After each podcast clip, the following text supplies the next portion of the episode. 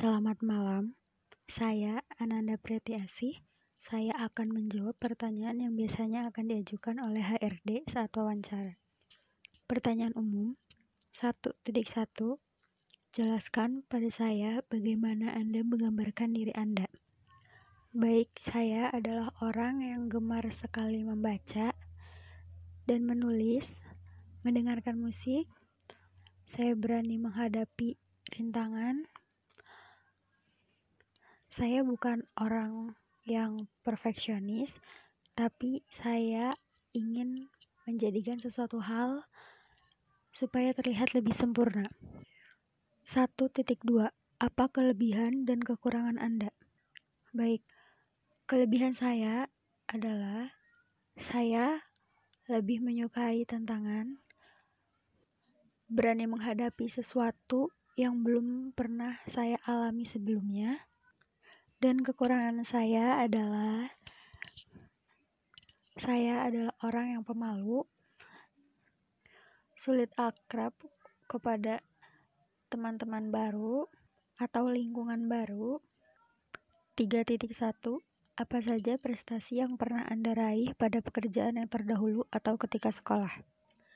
Baik, prestasi yang pernah saya raih yaitu sebagai peserta terbaik dalam pembuatan cerpen bertema Sumpah Pemuda yang diselenggarakan oleh KPNT 2145. 1.4 Dari mana Anda mengetahui perusahaan ini?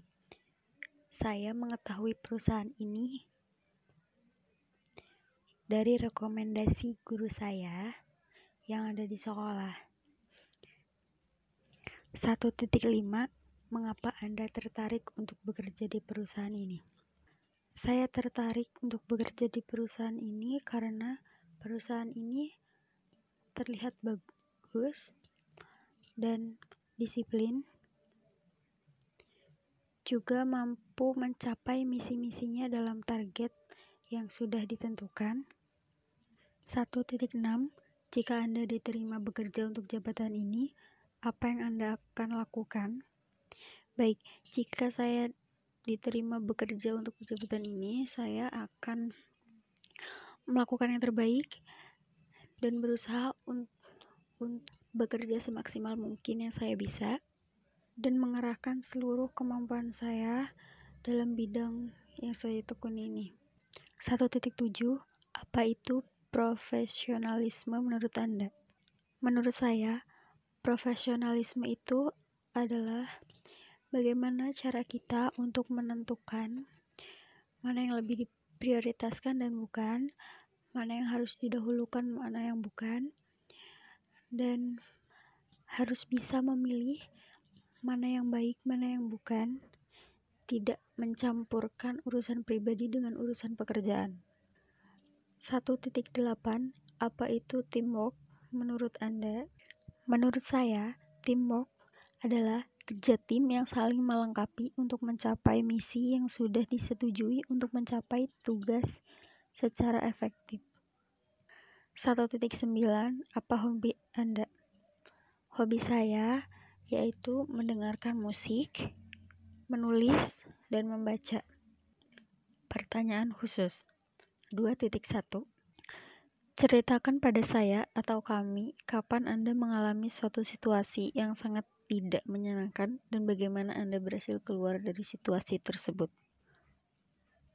Baik, saya akan menjawab. Dulu saya pernah mengalami situasi yang tidak menyenangkan dalam berorganisasi di mana saya dituntut untuk menampilkan yang terbaik. Tapi di situ objeknya tidak ada dan bagaimana saya bisa berhasil keluar dari situasi tersebut akhirnya saya berdiskusi dengan rekan-rekan yang lainnya bermusyawarah untuk mendapatkan yang terbaik untuk situasi tersebut dan alhamdulillah saya dan rekan-rekan saya diberi kesempatan untuk menyelesaikan situasi tersebut dengan baik. 2.2 Ceritakan pada saya atau kami bagaimana Anda meyakinkan klien Anda ketika Anda melakukan presentasi. Cara saya meyakinkan klien ketika sedang melakukan presentasi itu, saya akan menampilkan kemungkinan-kemungkinan baik atau keuntungan-keuntungan yang dapat diterima oleh perusahaan si klien tersebut dan juga harus menyertakan kerugian atau kekurangan dari apa yang ada di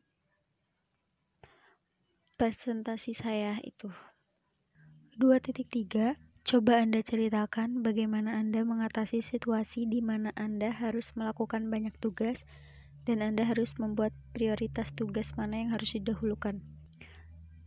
Cara saya mengatasi situasi ini adalah saya akan membuat sebuah lift, list atau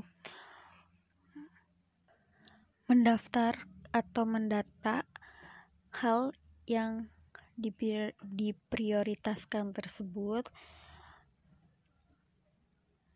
dari awal sampai akhir. 2.4 Bisakah Anda ceritakan keputusan apa yang paling sulit Anda buat dalam setahun terakhir ini? Mengapa demikian? Keputusan yang paling sulit dalam setahun terakhir ini yaitu saat saya melepas adik kelas saya yang berorganisasi itu untuk melakukan kewajiban sebagaimana siswa pada umumnya yaitu melaksanakan upacara. Mengapa demikian? Karena dalam situasi ini mereka belum sepenuhnya mengerti akan tugas-tugas mereka. Yang dikhawatirkan di sini adalah apabila ada kesalahan-kesalahan yang mungkin bisa saja fatal seperti itu. 2.5 Ceritakan mengapa tim Anda gagal mencapai target pada tahun sebelumnya dan bagaimana Anda memotivasi tim tersebut sehingga dapat meraih sukses, meraih sukses di tahun berikutnya. Tim kami gagal untuk mencapai target pada tahun sebelumnya yaitu karena kami kekurangan personil atau orang untuk melaksanakan sebuah misi yang penting. Dan juga cara saya untuk memotivasi tim supaya bisa meraih kesuksesan di tahun berikutnya yaitu memberikan semangat dan dukungan. Tidak membuat perkataan yang bisa men menjadi merubah sikap mereka menjadi lebih tidak berpikiran negatif lagi. 2.6 Bagaimana cara Anda menyelesaikan konflik? Bisa bercontoh. Cara menyelesaikan konflik bagi saya yaitu dengan kepala dingin atau tidak emosi. Karena jika suatu masalah diselesaikan dengan cara emosional yang masih tinggi, itu tidak akan bisa terselesaikan dengan baik. Contohnya yaitu jika saya diberikan suatu masalah berat dalam saat suasana itu sedang dalam keadaan yang masih diambang klimaks dan saat itu saya lebih baik mendiamkan diri terlebih dahulu. Menenangkan diri supaya tidak ikut terbawa dalam konflik tersebut dalam emosional tersebut. Lalu dengan perlahan saya akan berbicara pelan. Setelah itu mungkin bisa selesai 2.7 Bisakah Anda ceritakan suatu kejadian di mana Anda mencoba untuk menyelesaikan suatu tugas dan ternyata gagal? mungkin ini bagi saya gagal karena di sini saya bisa dibilang mempunyai tanggung jawab besar juga.